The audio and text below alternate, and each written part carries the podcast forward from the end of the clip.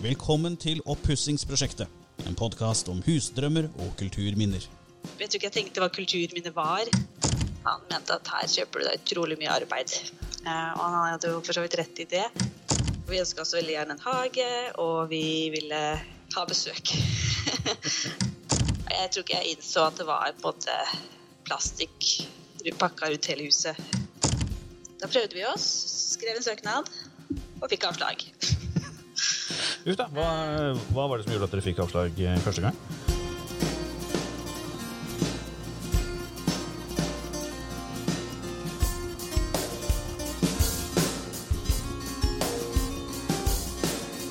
Jeg heter Jørgen Bakken og jobber i Kulturminnefondet. Vi har produsert denne serien for å sette fokus på to ting. Du som er på vei ut i resten av livet med ny bolig, og hva du trenger å gjøre for å pusse det opp riktig.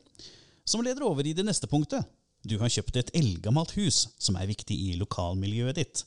Det er et verneverdig kulturminne. Og så lurer du kanskje på, da, hva er et kulturminne?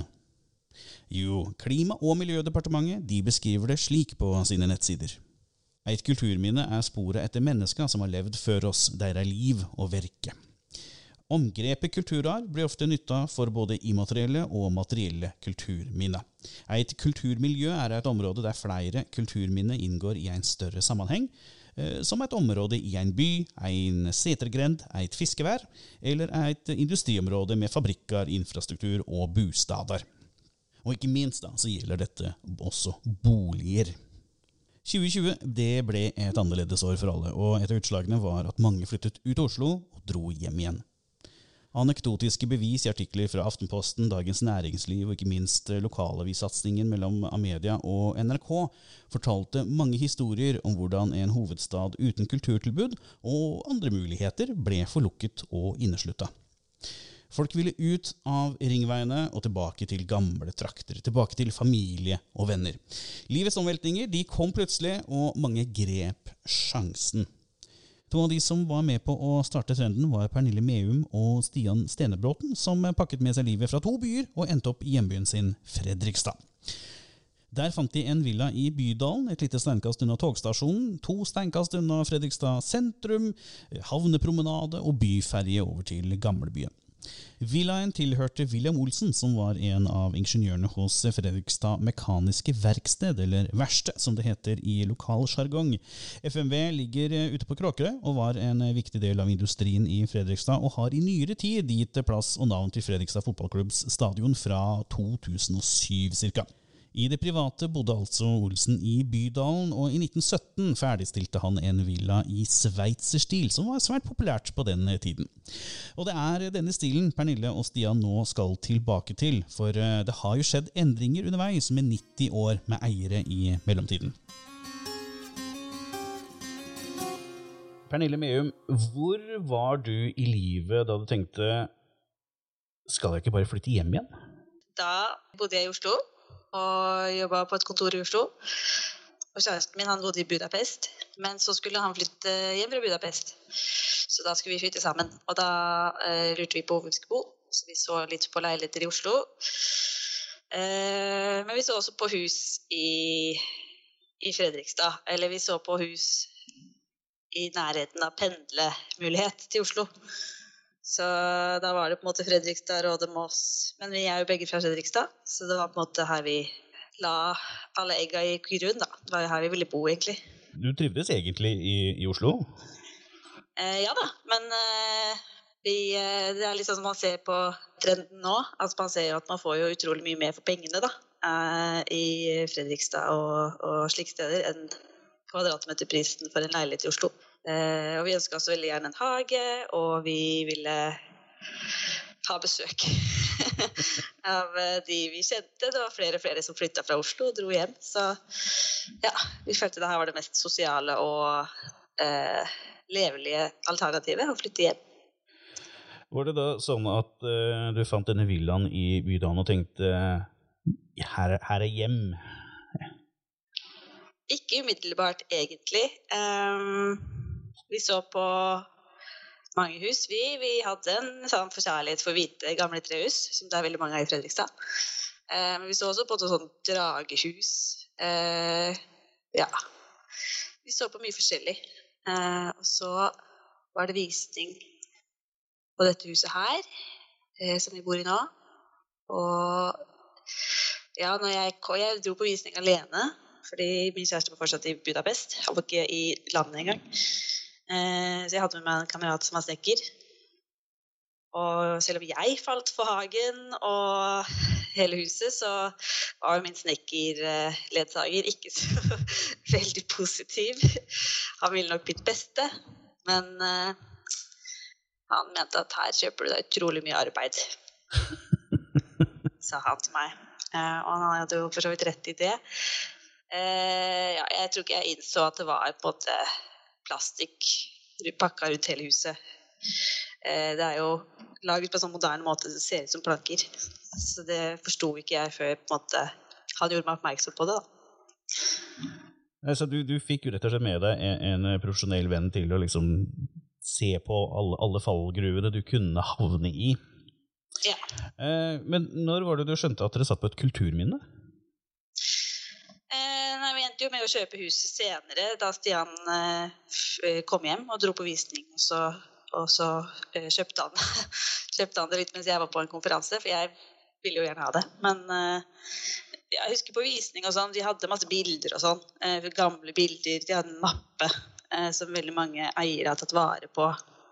Forskjellige skjøter, kart, hageplaner, tegninger, sånt noe. Så vi skjønte jo at det var gammelt og, og at det var en tanke bak huset, men sånn kultur, jeg tror ikke jeg tenkte hva kulturminne var. Jeg trodde vel først at et kulturminne var noe som var veldig skilte seg veldig ut, kanskje. Det var en veldig viktig arkitekt, eller gamlebyen her i Fredrikstad, selvfølgelig et kulturminne. Så vi skjønte vel det her først da eh, Ja, i nabolaget eller folk i Fredrikstad visste vi hvilket hus det var. De huska hagen. Å, det er det huset der dere bor i. Og det, det var veldig mange som eh, kjente huset, som jeg syntes var rart at de visste. Oppå toppen der, liksom. Og så hadde vi besøk av eh, byantikvaren eh, her i Fredrikstad, som eh, gjorde oss oppmerksom på da, at det her er et kulturminne. Han så på tegningene, han kjente igjen navnet. Vi leste en bok om FMB, og, og, det er for de som ikke er fra Fredrikstad? Eh, det er det gamle eh, Fredrikstad mekaniske verksted, hvor de bygde store båter og skip eh, fra 1800-tallet. Storhetstiden var vel etter 1900, og det viste seg at det var jo han ene sjefsingeniøren på FMV som bodde her, da. Tok byantikvaren kontakt med dere fordi dere var nye der? Eller tok dere kontakt med, med han, eller hvordan fungerte dette? Jeg tok kontakt med han eh, mest fordi at jeg ville ha litt tips og råd om hvordan jeg skulle eh, pusse opp på eh, best mulig måte. Og da Vegard kom på besøk, så eh, gikk jo han litt i fistel når han begynte å rive og slite i PwC-kledninga som var eh, lagt utapå huset, og titte bak, og så at det var jo veldig gamle planker bak der. Så han var veldig bekymra for hvordan, hvordan, status var under der, da, og hvor lenge det hadde vært på. Fordi uh, dette PwC, det er altså da en slags uh, plastmaling, er det ikke det? Det er, uh, det er vel en type 80-tallsversjon av asbest. fordi det er jo påståelig vedlikeholdsfritt. Eh, selv om ingenting er det. Eh, men det de gjorde, var å bare lekte ut eh, oppe på originalkledning, legge en duk, og så legger man rett og slett plastikkplagger som du pusler sammen på hele huset. Det må ha vært en kjempejobb. Det var en kjempejobb å ta det av. Ikke sant? Så det at det er vedlikeholdsfritt, det er også kanskje den ytterste bekledningen, er det, men alt innenfor eh, står vel da og eh, nærmest råtner over tid? Ja. Vi tok det heldigvis av i grevens tid, tror jeg, fordi det var Vi har funnet noe råte, men alt i alt så har det jo også øh, holdt seg ganske bra. Der det ikke har vært øh, skader på PwC-en og sånn, så har det holdt seg veldig fint. Eh, jeg regner med det har vært på i hvert fall 30 år. Og ikke sant, så da PVC-en den kan jo selvfølgelig også skades eh, selv om, eh, selv om den er vedlikeholdsfri. Ja. Eh, men det er bare utrolig harry. Eh, og jeg lurte veldig på hvordan det sto til under der. Eh, vi fikk også veldig mange gode råd om å ta det av og ikke ta det av, og hvor mye det kom til å koste, og alle råta vi kom til å oppdage når vi tok det av, osv. Så, videre. så vi, vi var veldig usikre på hva vi skulle gjøre. Eh, vi var veldig redde for hva vi kom til å finne, og hvor mye det her kom til å koste oss. da. Ja, hva var det verste dere så for dere kunne skje? Mm, at vi fant eh, masse sopp og råte og eh, ting som var på en måte veldig dyrt å reparere. Men da måtte vi jo bare tenke sånn hvis vi finner det, så det jo, må vi egentlig bare være lykkelige for at vi fant det uh, nå, og ikke om ti år. Så uh, nei. Vi hørte på Byantikvaren og bestemte oss for oss å, å ta det av, da. Og hvor, hvor gikk dere da, da videre? Dere måtte da ta kontakt med profesjonelle som kunne hjelpe til med dette? Da tok jeg kontakt med en maler i Fredrikstad, som jeg vet er veldig flink. Han var her og gjorde en jobb for oss. Eh, Vi har eh, et sånn seildrukstak som hadde masse sprekker i seg. Da. Eh, Så jeg fikk han til å reparere det. Og så begynte jeg å spørre han hva han trodde om utvendig. Så vi gjorde noen stikkprøver. Vi skjærte opp og titta bak. Og fant da det eldste panelet som var bak der. Og han syntes så ut som det var i fin form. Men uh, han var veldig tydelig på at det her Du må fjerne all maling eh, på dette huset, da. For det var veldig mye forskjellig maling uh, på de stikkprøvene vi tok. Ja, ikke sant? Fordi under PVC-en så fantes det enda eldre maling og enda eldre maling igjen under der. Mm. Så det har jo vært linalemaling helt innerst, og så har det vært uh, litt forskjellig forsøk på Noen vegger har det vært et forsøk på å skrape av eh, maling, eh, eh, sikkert uten varmepistol, sånn som vi bruker. Eh, og blitt mye stygge hakk, så det har vært sparkla igjen, og så på en måte mala over igjen der med akrylmaling og ja. Ingen vegger er like her, da. Men, men treverket under, det, det står seg. Det, for det huset det ble bygd i 1917, det var da det sto ferdig, var det ikke det? Eh, med at den panelen her er fra rundt der.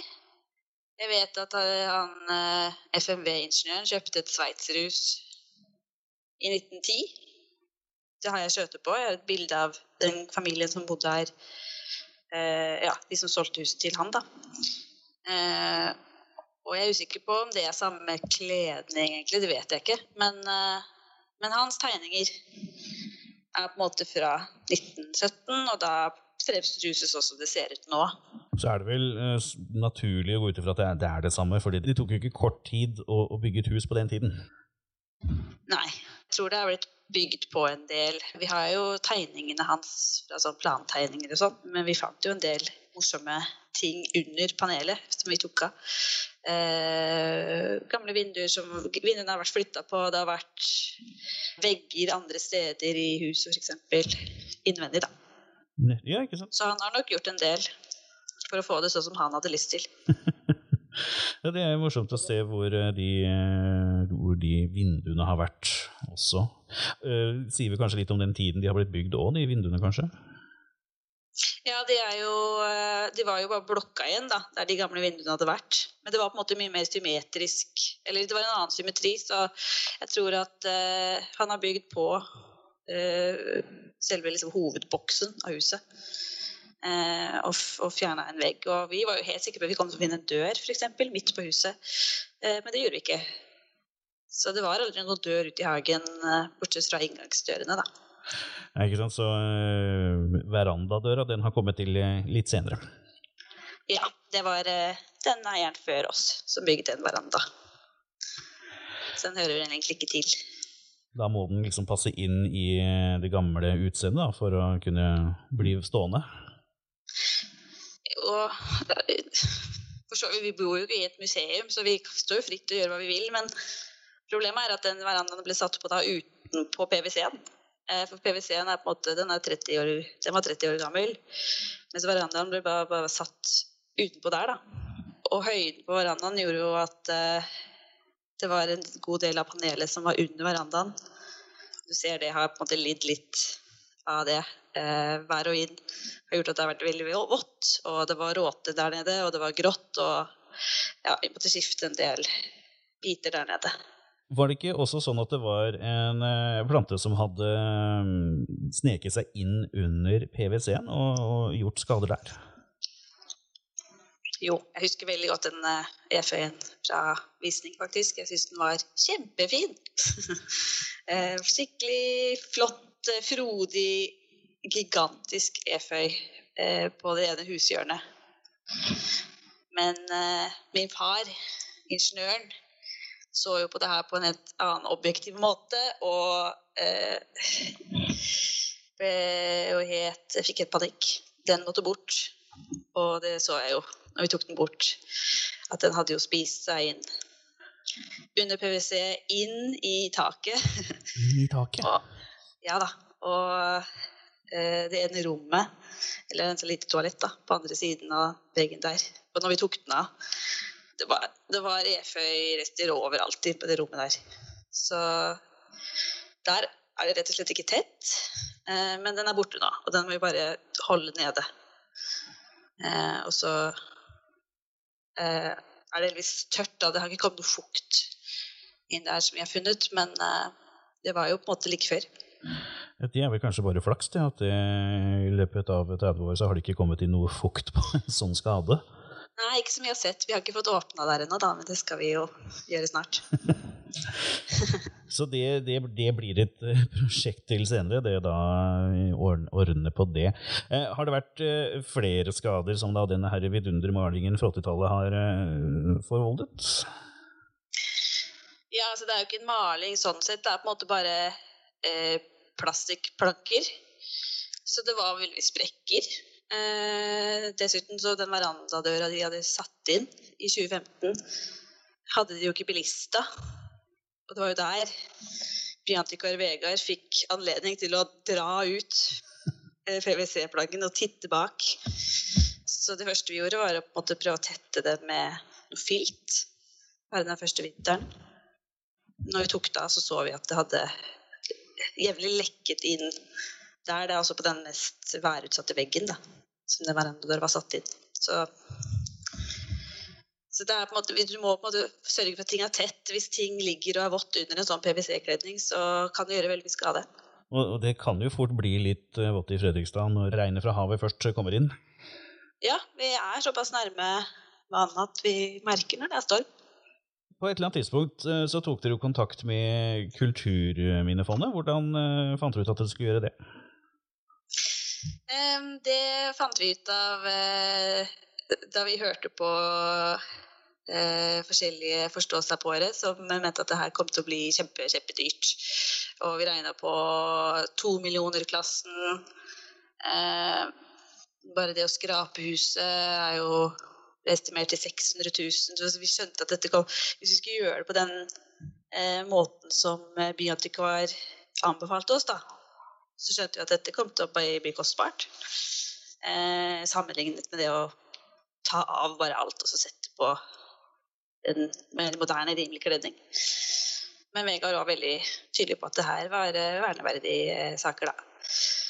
Og, og tipsa oss om at da kan vi få kompensert det overskytende eh, på budsjettet ved å gjøre det på den her gamle, tradisjonelle måten å, å restaurere ting med Kulturminnefondet, da. Så da prøvde vi oss, skrev en søknad og fikk avslag. Uff da, hva, hva var det som gjorde at dere fikk avslag eh, første gang? Det var budsjettet, tror jeg. Eh, jeg fikk jo veldig god veiledning, og de syntes det var en fin søknad og sånn. Men eh, det var jo eh, et krav om så og så mye privat finansiering. Det hadde ikke vi regna med i vårt budsjett. Så da måtte jeg måtte gå tilbake til skrivebordet og justere budsjettet mitt til neste år. Og eh, når du gjorde det, da gikk søknaden gjennom. Da fikk jeg tilsagn, ja. Vi skal høre mer til Pernilles historie senere i serien. og Vi skal også komme tilbake til dette med budsjettet, og hvorfor det er lurt å ha det i boks før du sender inn eh, søknaden. Neste gang så blir det fagprat med maleren som har fått lov til å bryne seg på Villa Fagerberg. Blant annet så skal vi innom fordeler og ulemper ved å gjøre ting selv. Hva du må planlegge for med hus på rundt 100 år, og ikke minst dette med yrkesstolthet. Vil du være med videre på podkastreisen, så husk at du kan trykke på liker eller følg eller abonner, så kommer episoden rett til deg når vi slipper den neste. Dette har vært eh, oppussingsprosjektet om husdrømmer og kulturminner, en podkast fra Kulturminnefondet. Jeg er Jørgen Bakken. Takk for at du hørte på.